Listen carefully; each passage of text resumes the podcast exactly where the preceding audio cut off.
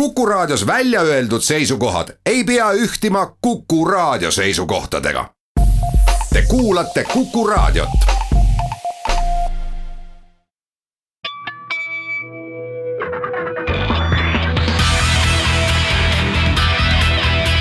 õigus ja õiglus.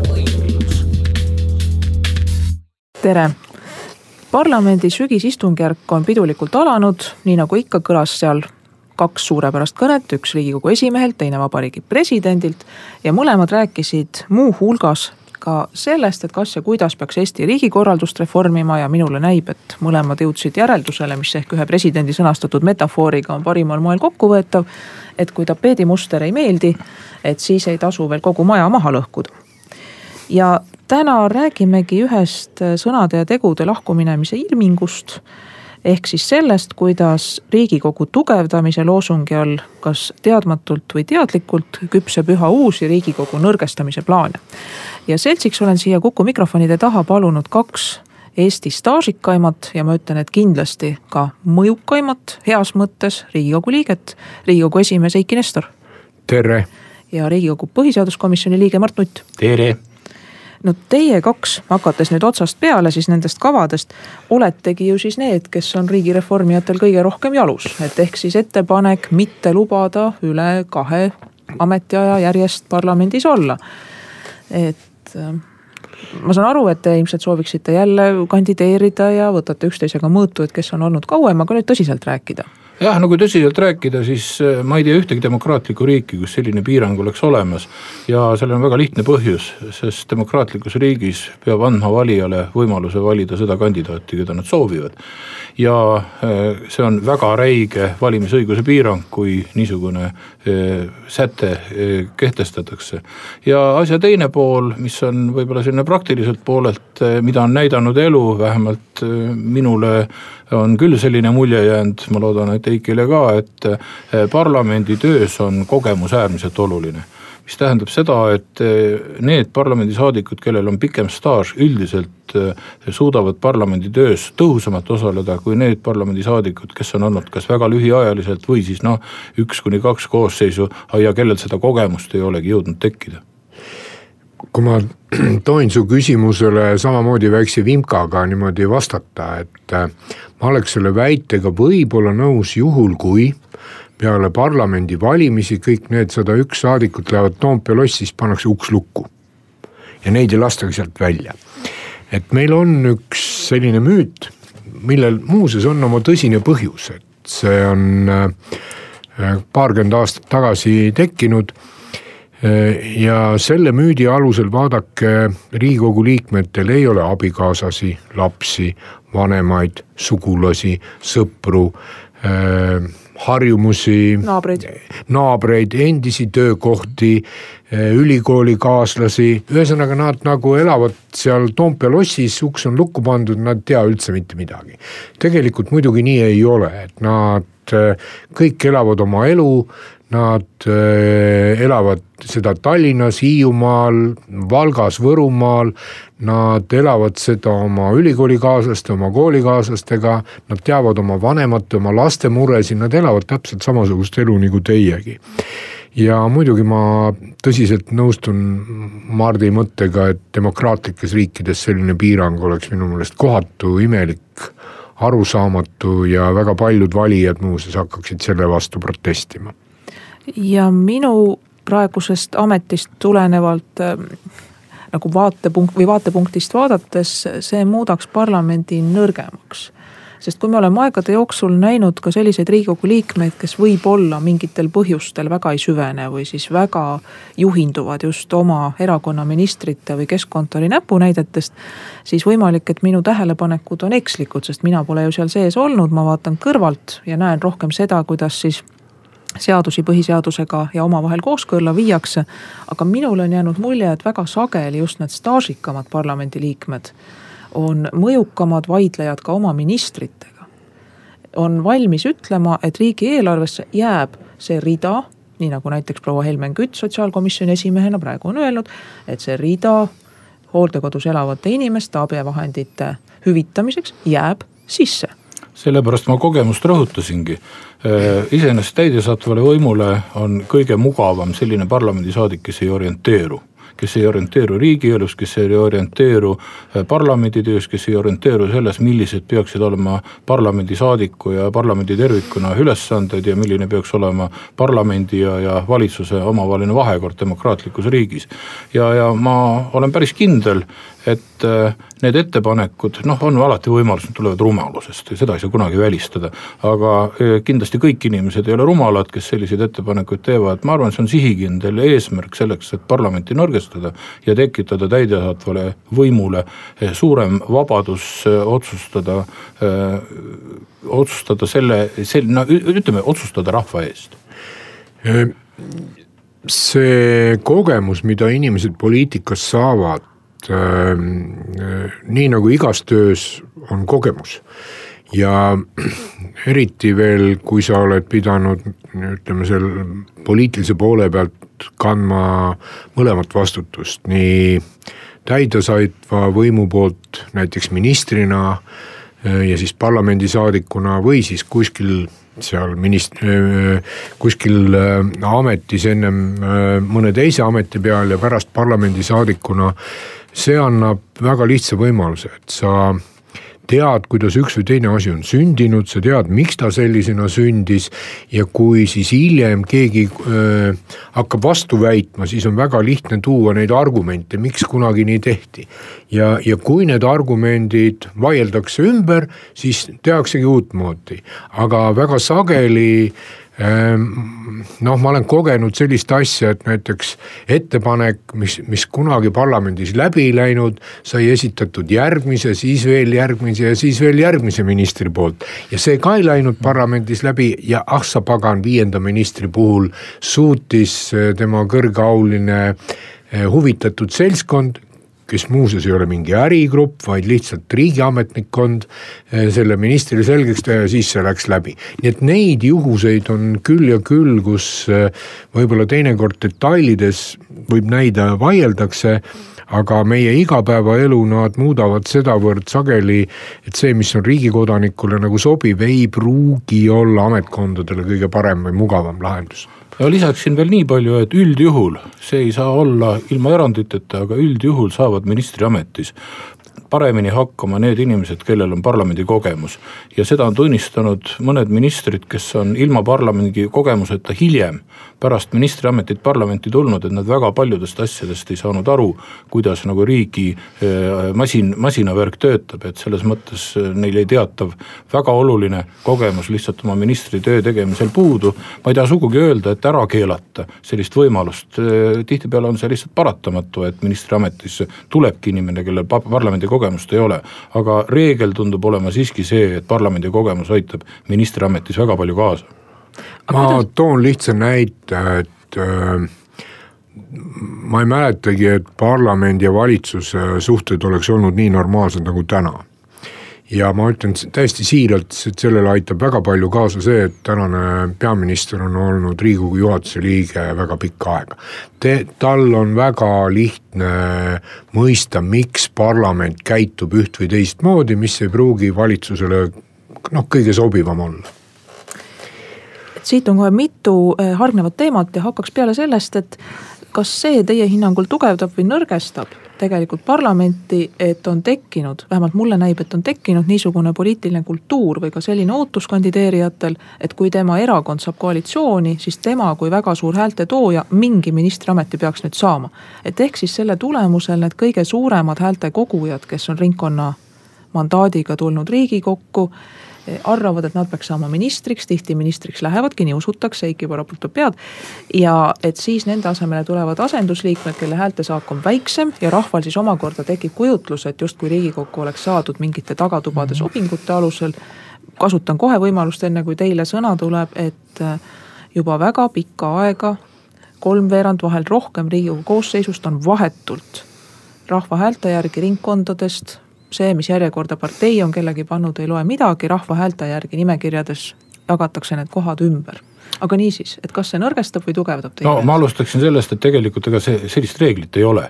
ja, ja see ei ole sugugi mitte alati ka niimoodi toimunud, et kui me vaatame siin nii-öelda pikemas ajalõikes Läheme siis kasvõi meie nii-öelda parlamentarismi taastamise juurde aastal tuhat üheksasada üheksakümmend kaks tagasi, siis me näeme, et äh, tihtipeale ministriametites on olnud ka parlamendisaadikud, kes on võtnud ju küllaltki vähe hääli ja sealhulgas ka väga hästi hakkama saanud. nii et äh, need põhjused, miks valimistel võetakse erinev häälte hulk, hulk ei sõltu tingimata inimese pädevusest ja ammugi mitte tema võimalikust sobimisest või sobivusest ministriametisse. et üks asi on selles, et võib-olla nendel inimestel, kes on suure häälte saagi võtnud, tekib selline ootus. aga see ootus ei pruugi realiseeruda ja jumal tänatud, et see ei realiseeru. kui nüüd aga kujuneks välja tõesti selline praktika, et ministrid valitaksegi välja vastavalt eh, siis sellele häälte saamise pingereale, siis ma arvan, et eh, see muudab nii parlamendi kui valitsuse päris mitmes lõikes naeruväärseks ministriks saamise puhul on minu meelest kaks nõuet ja esimene on et see inimene peab tundma seda valdkonda, mida ta läheb juhtima, ta ei pea seal ekslema. ja teine, et ta peab tundma ka sellist suurust nagu poliitika, et kui ta neid äh, kahte ainet hästi valdab, siis ta sobib ministriks.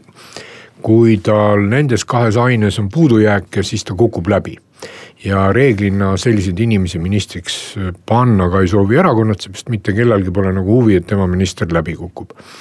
siis on veel võib-olla harvemad juhud on, ma ei tea, mingid isiklikud põhjused, et võib olla väga tubli, tore, andekas inimene, meeletult palju ideesi, kui ta kella ei tunne, ministriks panna ei saa, no ei ole võimalik, et see äh, minister kukub läbi siis selles ametis mingil väga lihtsal äh, lollil põhjusel ja miks teda sellega kiusata nii et äh, äh, me siiski valimistel valime neid inimesi, kes on riigikogu liikmed ja ei vali ministreid.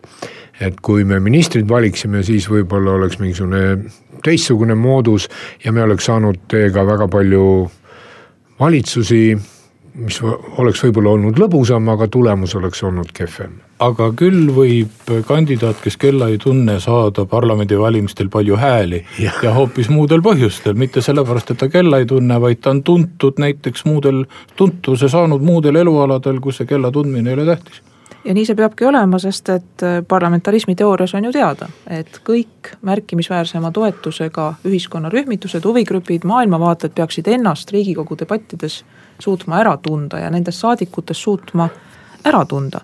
ja siit kohe järgmine küsimus, et -hmm. et kui räägitakse, et see rahvaesindus ikka noh, nii ja naa, et ei ole küllalt hea ja et ometigi ta peegeldab seda rahva koosseisu ja neid erinevaid huve küllaltki täpselt. et kas asi võib olla selles, et mingis mõttes sellistes elulistes küsimustes, õigluse küsimustes me ise nagu ei salli väga teisi rahvaliikmeid enda kõrval ka et kui nii hakata järele mõtlema, et siis noh, vaktsineerimise pooldajad ei salli mittepooldajaid ja astmelise tulumaksu pooldajad ei salli mittepooldajaid ja nii edasi ja nii edasi. no aga see on paratamatu, et inimesed on erinevad, inimestel on erinevad nägemused, erinevad äh, arusaamised ja, ja siit me jõuame tegelikult ühe päris, ma arvan, olulise küsimuseni, et milline valimissüsteem nüüd antud juhul kajastab äh, rahva, rahva selles mõttes kui maksimaalselt kirju spektri nägemusi kõige paremini. ja siin on äh, äh ma arvan, et väga sobilik välja tuua siin erinevate valimissüsteemide mõju ühest küljest äh, on inimesi, kes äh, leiavad, et mida lihtsam on valimissüsteem, see tähendab mitte lihtsam nüüd riigi seisukohalt, vaid lihtsam, lihtsamalt arusaadav valijatele, et seda parem on see tulemus. nüüd teisest küljest, kui me vaatame, siis kaks kõige lihtsamat võimalikku valimissüsteemi on siis kas puhtalt majoritaarne süsteem, see tähendab, et Eesti puhul oleks siis sada üks valimisringkonda ja valituks osutub see kandidaat, kes saab selles ringkonnas kõige rohkem hääli. see võib väike, väga väike häälte arv olla, see võib olla kakskümmend viis protsenti näiteks, aga eeldusel, et kõik teised kandidaadid saavad vähem hääli. Äh, mille nii-öelda otsene tagajärg on, et aga seitsekümmend viis protsenti on sellega ju esindamata. ka nendest, kes hääletamas käisid. ja ka nendest, kes hääletamas käisid mm, -hmm. just nimelt. või siis teine äärmus, et näiteks kui Eesti äh, oleks küll proportsionaalses valimissüsteemis, äh, nimekirjasüsteemis, aga näiteks Eesti oleks üks valimisringkond. mis siis tähendaks seda, et sisuliselt tähtsust omab ju partei kõige rohkem hääli võttev isik, no ütleme niimoodi, et toome siin võib-olla mõned nimedki sisse ühe partei eesotsas oleks Arnold Rüütel, teisel oleks Edgar Savisaar ja, ja võib-olla kolmandal Mart Laar, neljandal võib-olla siis Andrus Ansip ja kõik nad koguksid võib-olla oma partei nimekirjast üheksakümmend protsenti häältest, ülejäänud oleksid suhteliselt marginaalsed. mis tähendaks seda, et teistel kandidaatidel nagu suurt, suurt mõtet ei olegi, et valitakse tegelikult nende nelja persooni vahel, mis tähendab siis seda, et, et eh, nagu erinevate piirkondade inimesed jäävad esindamata ja erinevate kandidaatide võimalikud toetajad tegelikult jäävad samuti esindamata, nii et tegelikult minu arust on Eesti valimissüsteem selles mõttes päris hästi õnnestunud oleme kuulnud kriitikat, see on natukene keeruline, jah, riigi seisukohalt see ei ole keeruline, aga Eesti valimissüsteem, selline nii-öelda kombinatsioon ülekaalukalt proportsionaalse ehk siis nimekirja valimise eh, poole eh, tagab tegelikult, ma ütleksin eh, maksimaalsele lähedase esindatuse erinevate inimgruppide vahel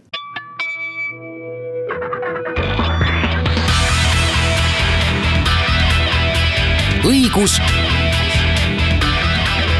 ja õiglus. räägime täna Riigikogu tugevdamise sildi all peetavatest plaanidest Riigikogu hoopiski nõrgestada ja siis vastavalt suurendada peaministri või valitsuse või siis mõnedes plaanides ka politiseeritud kohtuvõimu rolli. ja külalisteks on Riigikogu esimees Eiki Nestor ja Riigikogu põhiseaduskomisjoni liige Mart Nutt. ja sõnajärg jäi enne reklaamipausi Eiki kätte ja ma pean ütlema, et see on üks populaarsemaid küsimusi, mida sa küsisid ja see küsimus reeglina kõlab nii. et mida te seal vaidlete omavahel, miks te ei langeta äh, rahvale meelepäraseid otsuseid? ja siis, kui sa küsid, et mis teemal ja mis see meelepärane otsus peaks olema, siis väga ilusasti seletatakse ära ja siis, kui sa ütled, aga vaata, on ka neid, kes arvavad teistmoodi, siis inimene ütleb, ah kuule, nemad ei saa asjast aru või nad eksivad või mis iganes. tegelikult parlament ongi selline koht, kuhu kõik need õiged arvamused, mis igalühel on oma õige arvamus, lõppkokkuvõttes tulevad kokku ja meie minu meelest suur eelis on see äh, sellesama valimissüsteemi puhul, et kõik need arvamused, mis valimispäeval omavad toetust viis protsenti ja rohkem, need saavad sinna riigikogu saali tähendab, nad ei jää väljapoole sinna maja ette. ja, ja see on meie valimissüsteemi suur eelis, sest äh, Äh, kui me vaatame äh, teisi riike, kus kasutatakse võib-olla valija jaoks lihtsamaid valimissüsteeme, siis seal võib neli aastat käiakse ühte vagu ja nelja aasta pärast rahvas otsustab vastupidi ja pannakse vastupidises suunas. meie eelis on olnud see, et meil on kogu aeg poliitikud olnud sunnitud kokku leppima ja see on taganud minu meelest ühtlasema arengu samm-sammult. ei ole selliseid suuri võbelemisi paremale-vasakule ja teisest küljest on see muidugi poliitikutele raske, sest äh, iga koalitsioon tähendab seda nii Mardile kui mulle, et kuskil Mart peab ütlema hea küll, andma järgi ja kuskil ka mina. ja äh, äh, see võib näida valijale noh, nagu mingit pidi reetmisena. asi pole selge vähemalt. jah, aga asi on vähemalt selge, jah, vot siin me andsime järgi selle nimel, et need, need asjad ära teha. ja, ja loomulikult on ja selle asja nimi muuseas ei ole lehmakauplemine, see ongi kokkuleppimine ühistes poliitikates. nii et äh, paraku head kuulajad, tuleb tõdeda, et, et ka mina arvan, et teie soov on, et riigikogu härduse üksmeeles langetaks ainult neid otsuseid, mis teile meeldivad. aga teil võib olla, äh, Eestis võib olla inimene, kes arvab just täpselt vastupidi ja temal on ka oma esindajad seal olemas ja meil tuleb paraku kokku leppida tihtipeale mina katsun seda asja inimestele seletada niimoodi, et suur osa riigikogus langetatavaid otsuseid, mis ei ole väärtusotsused, mis ei ole välispoliitikat puudutavad otsused, noh näiteks, et millised meie suhted peaks olema Venemaaga või midagi nii. vaid väga suur osa tegelikult on rahas mõõdetavad otsused. ühe toetuse või pensioni suurus, maksude suurus ja nii edasi ja kui nüüd võtad kasvõi omaenda perekonna, siis kus seda vaidlust teinekord ei ole, et kui meil on nüüd kogunenud sellised säästud et kas me ostame selle eest uue auto, kõikidele jalgrattad, ostame uue mööblikööki noh, kõiki neid asju ei saa ja nüüd ma usun, et igaüks võib ette kujutada, et erinevatel pereliikmetel on täiesti erinevad eelistused ja noh, eks ta on parlamendis samamoodi ja väga kurb oleks, kui noh, öeldaks siis selle perekonna näite puhul, et. et me igal juhul lähtume ema soovist ja köögimööbel, teised olge vait, eks ole. et, et või siis vastupidi, et isa on kõige tugevam ja tuleb auto või siis, et aga lapsed arvavad, et kõige toredam oleks ikkagi kõikidele uued jalgrattad ja asjakohane rattamatk no sa vastasid ju tegelikult ise sellele küsimusele ära, ma siin tooksingi võib-olla näite ühest teisest ka demokraatlikust, aga teistsugusest valimissüsteemist, mis on näiteks kehtiv Suurbritannias või Ühendkuningriigis, kuidas me tahame öelda. muide, kui meil on inimesi, kes toovad seda süsteemi nagu hea, hea näitena meile eeskujuks, et näete, tekib üheparteiline valitsus, äh, no enamasti, on erandeid, aga tekib tavaliselt üheparteiline valitsus ja üheparteiline valitsus saab ellu viia oma programmi, ilma et ta peaks teistega arvestama. lihtsalt tal ei ole vaja kokkuleppeid teha, tal on mingisugune aeg, siis on see siis neli aastat või kolm või viis, kuidas mõnes riigis see on.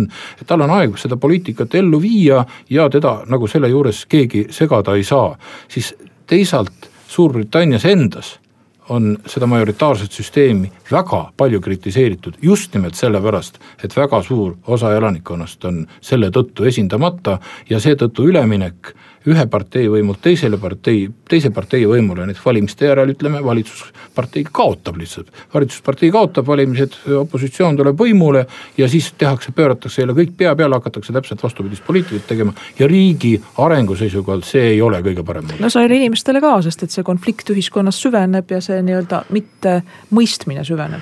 no tüüpiline näide vast siin Suurbritanniast on selline värvikas poliitik nagu Nigel Farage ja tema siis partei lühendiga UKIP.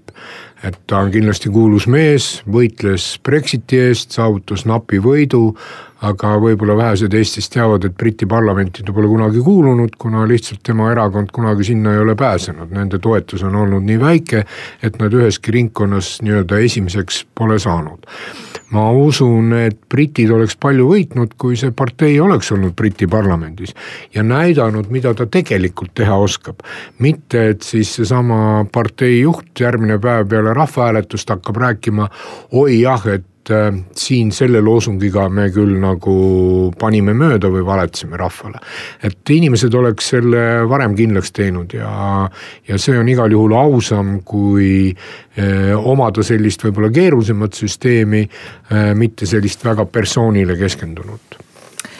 riigikogu suurus et väga sageli öeldakse, et väikesel riigil oleks noh, mõni pakub siin kolmkümmend üks liiget viiskümmend üks on kõlanud, seitsekümmend üks, no siis on jõutud üheksakümne üheni, et sümboolne akt. et äh, minu meelest sellel teemal kirjutas väga hästi Tartu Ülikoolis Goethe poliitikauuringute teadur Martin Mölder või täpsemini rääkis Neeme Korvile antud intervjuus kahekümne viiendal augustil kaks tuhat kaheksateist Postimehes. et niikaua, kui püsib võimalus teha erinevaid koalitsioone ja niikaua, kui on välistatud see, et ühe erakonna või siis näiteks ka Eesti tingimustes kahe väga lähedaste vaadetega sõsarerakonna poliitika muutub valdavaks, õnnestub monopoliseerida, et niikaua on meil asjad väga hästi. No ma jagan Rein Taagepera äh, pakutud mudelit, mis ei ole iseenesest ju tema välja mõeldud, aga mida ta, milles, millest ta on väga palju rääkinud, et äh, selline kõige parem suhe rahvaarvu ja äh, esindajate vahel on kuupjuur. ja see kuupjuur tähendab siis kokkuvõttes äh, seda, et äh, Eesti saja, ütleme laias laastus saja, saja ühe liikmeline parlament vastab sellele kuupjuurele meie rahvaarvu suhtes päris hästi.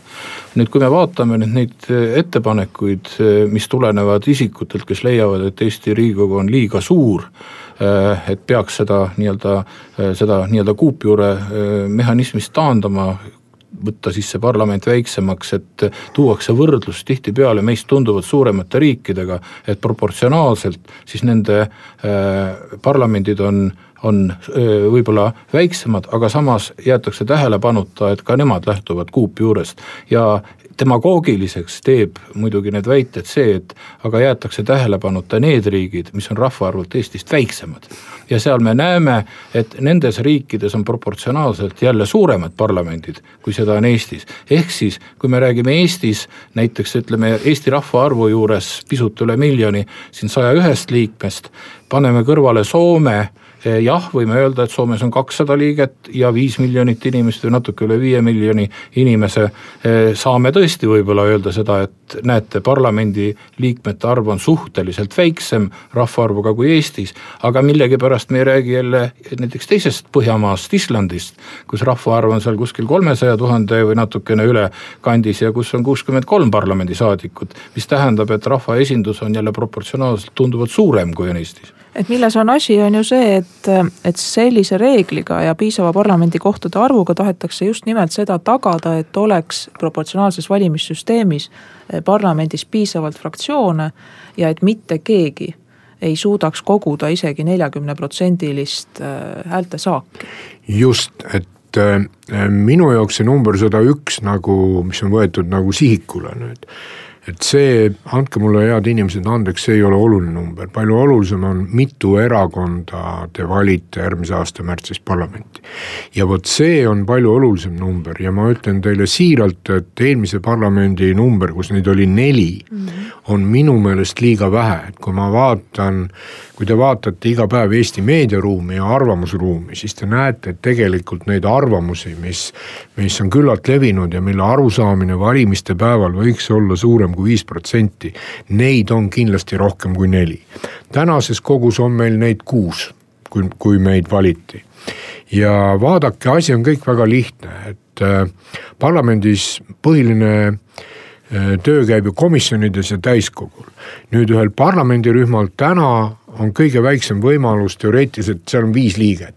mis tähendab seda, et pooltes komisjonides Riigikogus, mis iga päev eelnõusi arutavad, probleeme arutavad, nad peavad lootma kellelegi teisele.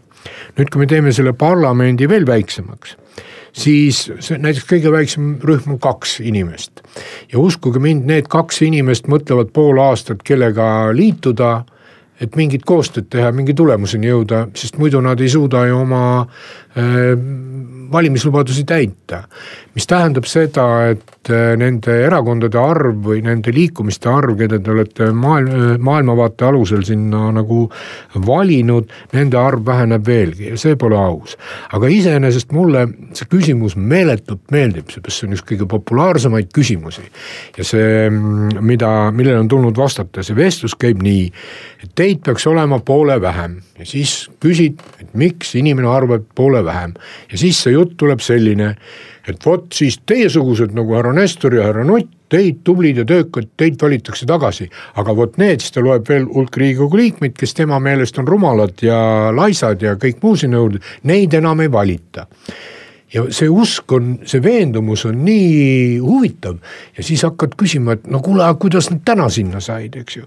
et kui me teeme poole väiksema parlamendi ja kui keegi on jaganud parlamendiliikmed kaheks tublideks töökadeks ja laiskadeks ja rumalateks, siis on selles tulevases parlamendis lihtsalt poole vähem tublisi ja poole vähem laisku. ja, ja seda olukorda, kus te selle väiksema parlamendiga saaksite nendest nii-öelda teile mittemeeldivatest saadikutest lahti, seda ei tule, seda ei saa olla, seepärast parlament on rahva valitud. Jah, ja just nimelt, parlament on läbilõige rahvast, ega see tähendabki seda, et kui näiteks saja ühe liikme asemel oleks viiskümmend või viiskümmend üks liiget, siis noh, kui me ütleme, võtame, ma võtan selle arvu täiesti lambist, et kui, kui eh, selles saja ühe liikmelises parlamendis on kolmkümmend inimest, kes eh, väga tõsiselt suudavad parlamendi tööd teha ja, ja hoiavad võib-olla kogu seda parlamendi nii-öelda hinge elus, siis viiekümne liikmelises parlamendis neid ei ole enam kolmkümmend. viiekümne liikmelises parlamendis oleks neid viisteist, mis tähendab seda, et proportsioon sellest ei muutu. aga ka selle vastu on rohi, et Nestorit ja Nutti sinna ei valita. tuleme selle ühe et-, juba alguses räägitud ettepaneku juurde tagasi, aga äkki piiraks parlamendi eh, saadikute võimalust eh, kandideerida üks, kaks või noh, ütleme mitte rohkemat korda. ja paneme siis nüüd nagu selle pildi kokku, et meil on viiekümne ühe liikmeline parlament, äh, kandideerida saab kaks korda, no vabandust väga, siis me ei räägi enam viieteistkümnest inimesest, kes võib-olla parlamendi töös on pädevad kaasa rääkima, siis me võib-olla räägime viiest.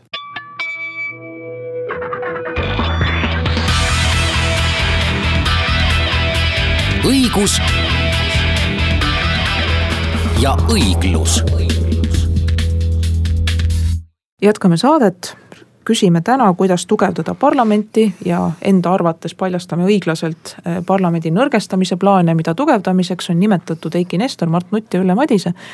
ja teid kuulates eh, ja olles vast põhiseaduse ja sellise riigiõigusliku ja parlamentaarse praktikaga meil ja mujal pigem kursis kui mitte kursis.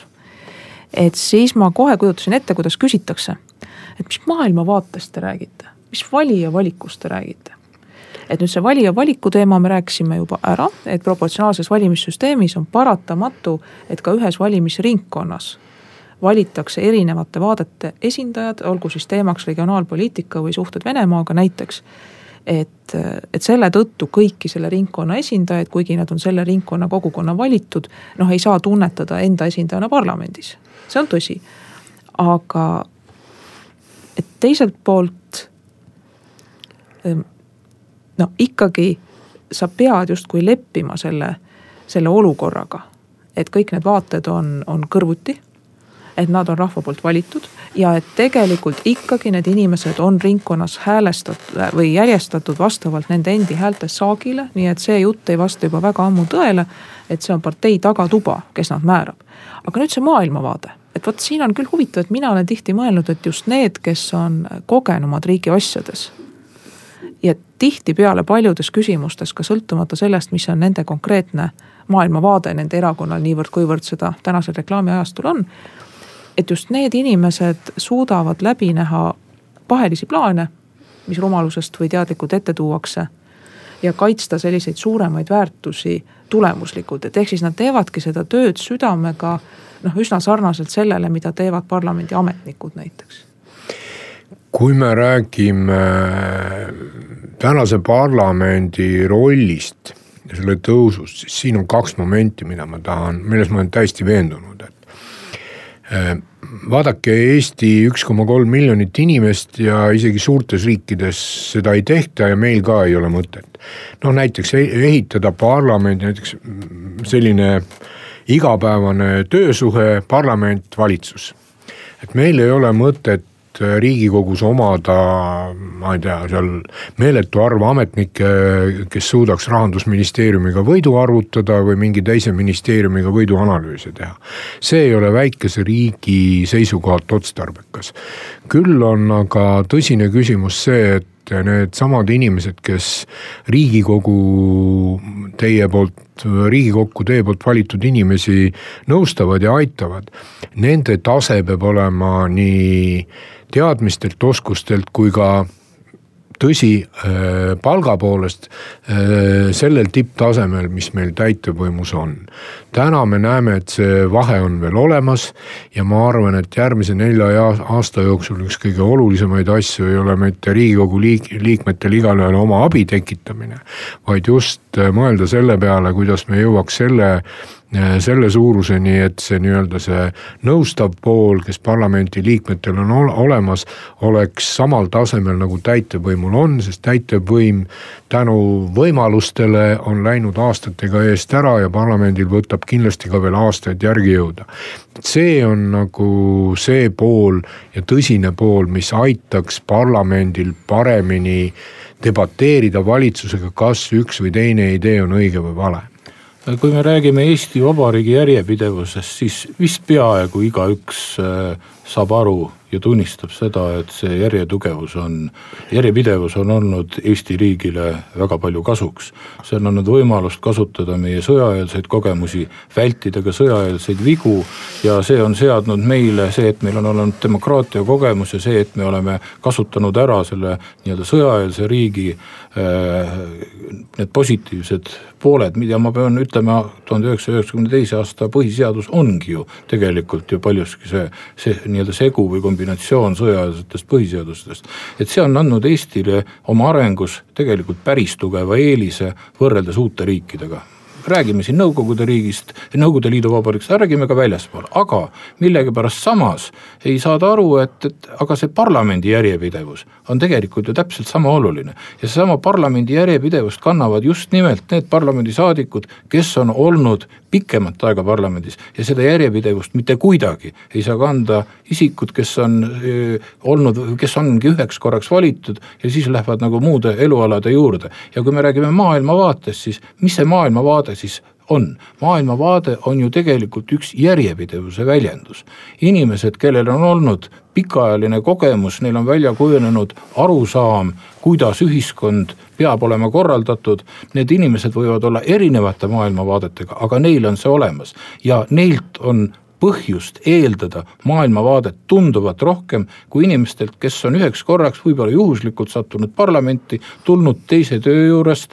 Eh, nende mõtted jäävad selle töö juurde ja nad pöörduvad peale seda ühte parlamendi koosseisu oma töö juurde tagasi ja tegelikult nad ei mõtlegi maailmavaatest üks huvitav küsimus on täna veel käsitlemata ja nimelt ringleb idee, ma väga loodan, et seda välja ei pakuta, võib-olla ka pakutakse ametlikult ja nimelt, et muuta põhiseadust nii, et oleks ministrid ka samaaegselt riigikogu liikmed. et noh, mina siis pikaajalise riigiõiguse professorina paraku näen seda jällegi eh, pigem riigikogu nõrgestavana. aga et siin tahaks teilt küsida, kes te olete fraktsioonides olnud, et kuidas selline olukord eh, näiteks fraktsioonis välja näeks, et küsimusel kaks osa, et kuidas täna, kui te tohite seda saladust avaldada et kuidas täna fraktsioonis ministritega kohtutakse ja näiteks nädalaplaani läbi arutatakse ja kuidas see näeks välja siis, kui needsamad ministrid oleksid siis parlamendiliikmed? ma arvan, et suurem jagu fraktsioonidel, kellel on äh, valitsemise kogemus, on see, näeb välja ühte ja samamoodi. päevad võivad olla erinevad, ma toon lihtsa näite sellest nädalast. Esmaspäeva hommikul algas riigikogu töö, kõik meie ministrid olid fraktsiooni koosolekul. pärast seda, kui nädala päevakord oli läbi arutatud, rääkisid ministrid, mis on nende päevakohased teemad. riigikogu liikmeid, kes neid ei olnud võib-olla kes nädal, kes kaks näinud, said esitada küsimusi kolmapäeval toimub äh, fraktsiooni järgmine koosolek, ennem seda lepitakse kokku näiteks pikemad teemad ühe või teise ministriga läbi arutada, kellel on mingid uus, uued ideed või siis äh, äh, mingid ideed, mis on parlamendis sündinud ja kus on vaja ministri arvamust. ja ka kolmapäeval kindlasti on kõik ministrid fraktsiooni koosolekul kohal, teisiti see ei ole võimalik, teisiti ükski minister tööd teha ei saa. kui nad nüüd äh, oleksid korraga parlamendiliikmed ja ministrid, siis peaks fraktsiooni esimees neid ühekaupa läbi helistama ja ütlema, et kuule, kas sa saad täna joosta parlamenti hääletama ja minister küsib, mille poolt, oot, mul on praegu siin, ma ei tea. Läti minister ja kohe tuleb Tšehhi minister ja, ja kohe tuleb Soome oma, meil on siin läbirääkimised Eestile olulistel teemadel las kantsler räägib, sina tule hääleta, eks ju. see nagu selles mõttes on ta puhtfüüsiliselt juba minu meelest siis tekib selline olukord, kus see minister, kabineti liige ongi rohkem parlamendi liige ja seda ministeerium, ministeeriumis ajab asju hoopis keegi teine, kes ei olegi poliitilise vastutusega inimene ja ilma volitusteta. või siis tekib veelgi tobedam olukord, et neid ministreid keegi üldse parlamendis ei näegi ja nende kohad on alati tühjad jah, ma arvan ka, et äh, valitsuskoalitsiooni kuuluvatel erakondadel on see korraldatud enam-vähem ühtemoodi, meil on see täpselt samuti. et esmaspäeval arutatakse läbi nädala päevakord ministritega koos ja kolmapäeval siis ministrid räägivad äh, valitsuse tegevusest ja, ja, ja fraktsiooni liikmed loomulikult on nendel koosolekutel kohal, et see infovahetus toimub pidevalt ja selles mõttes ma arvan, et eh, fraktsiooni töö koha pealt ei olegi olulist vahet, kas ministrid oleksid parlamendisaadikud või mitte, et see töö tegelikult toimib.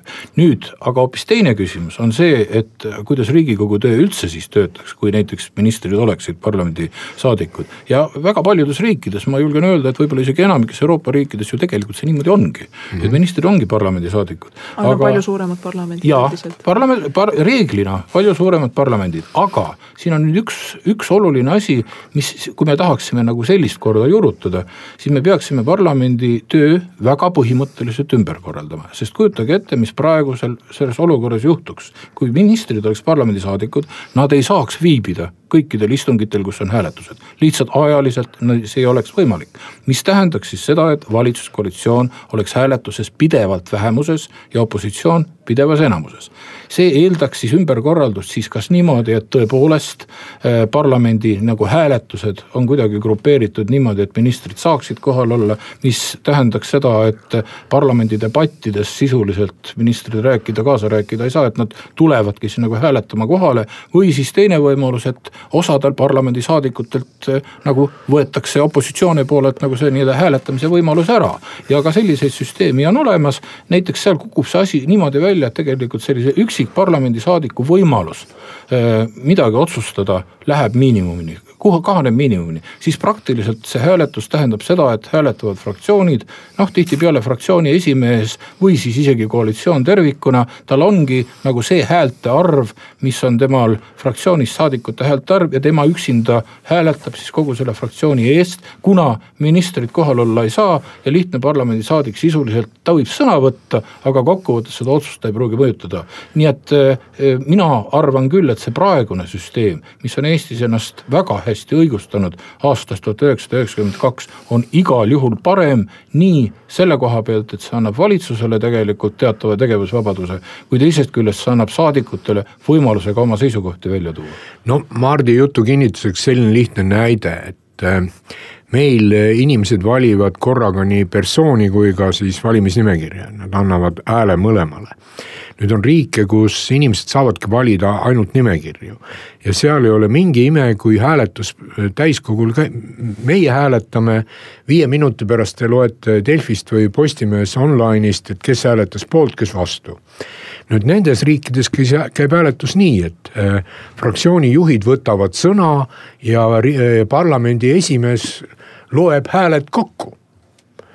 ja ütlebki, et otsus on vastu võetud, sellepärast et need fraktsioonid olid poolt ja need fraktsioonid olid vastu ja kui keegi nõuab personaalset hääletust, siis ta peab spetsiaalselt nõudma seda ja seda tehakse võib-olla kolm-neli korda aastas, kus nagu isiku, isiku tasemel hääletatakse. nii et äh, kusjuures need riigid on veendunud, see on väga demokraatlik süsteem, et nad teistmoodi ei kujutagi seda ette. meie valimissüsteem, kus te hääletate Nuti ja Isamaa poolt ja Nestori ja sotside poolt, selles mõttes on äh, loomulik, et me hääletame ise persoonina selles saalis ja teie kõik peate teadma, mille poolt või vastu me olime vot meil on võimalik ka see, et fraktsioonis fraktsiooni eelnevalt informeerides on võimalik jääda oma fraktsiooniga eriarvamusele. kui näiteks inimese südametunnistus eh, nõuab teistsugust hääletust, et siis enamik fraktsioone seda ju lubab ega viska inimest välja, et lihtsalt sellest tuleb informeerida. aga nüüd, kui tekiks selline olukord, kus üks osa riigikogu liikmeid ja väga suur osa ei olegi kohal, ei osalegi arutelus füüsiliselt, et siis tegelikult selle enamiku, kellel noh, oleks ka midagi öelda et siis nende roll väheneb ja parlamendi roll üleüldse tervikuna väheneb. ja lisaks ausalt öeldes päris raske on ka ette kujutada siis olukorda, et parlamendiliikmed, kes ise ministrid ei ole, julgeksid ausalt, kasvõi oma fraktsioonis või veelgi enam komisjonis, mis on juba suhteliselt avalik, omaenda partei ministrile näiteks vastu hakata või mõne terava küsimuse esitada, sest niivõrd tihedas konkurentsis see ju tõlgendatakse otsekohe, ahaa, tülis omavahel nüüd me jõuame jälle selle parlamendi kogemuse juurde, et millest on siin ka räägitud, et jah parlamendisaadik, kes on olnud seal nagu päris pikalt, tavaliselt julgeb oma seisukoha välja tuua ja ka ministrile vastu astuda, kui see seisukoht ei sobi või ei meeldi. nüüd parlamendisaadik, kellel see kogemus puudub, kes ongi võib-olla esimest korda seal, tavaliselt ei julge seda teha, tema mõtleb just nimelt nagu, nagu esiteks ta on ebakindel oma, oma äh, seisukohas ja teiseks, eks ta mõtleb ka selle peale, et milline tema positsioon edaspidi saab olema, et tõepoolest, et ma julgen päris kindlasti kindlasti ka väita seda, et, et äh, ka nendes riikides, kus ministrid kuuluvad parlamenti, tegelikult parlamendisaadikud reaalselt ei ole võrdses olukorras, sellepärast et äh, need parlamendisaadikud, kogemusega parlamendisaadikud, kes julgevad oma seisukoha välja tuua, on selles mõttes üpris mõjukad, aga valitsuse äh, positsioon võrreldes parlamendiga on reeglina tugev. ühel parlamendisaadikul on nii-öelda abiks terve ministeerium ja teisel siis fraktsiooni nõunik või keegi teine. äärmisel juhul ka isiklik abi. ja, ja äärmisel juhul isiklik abi, et see ei ole nagu sünnis. ja nii me olemegi kolmveerand tunniga minu meelest üsna tõhusalt suutnud suure hulga parlamendi tugevdamise sildi all esitatud nõrgestamisplaane auklikuks lasta, aga mõistagi see on kõik mõtteaineks. ei ole siin õiget ega vale lähenemist. Et eks igaüks peab jõudma ise järeldusteni, mõeldes loogiliselt, kaaludes fakte ja Eesti kogemusi, teiste kogemusi. suur aitäh kuulamast, kaasa mõtlemast, aitäh saatesse tulemast, Eiki Nestor ja Mart Nutt.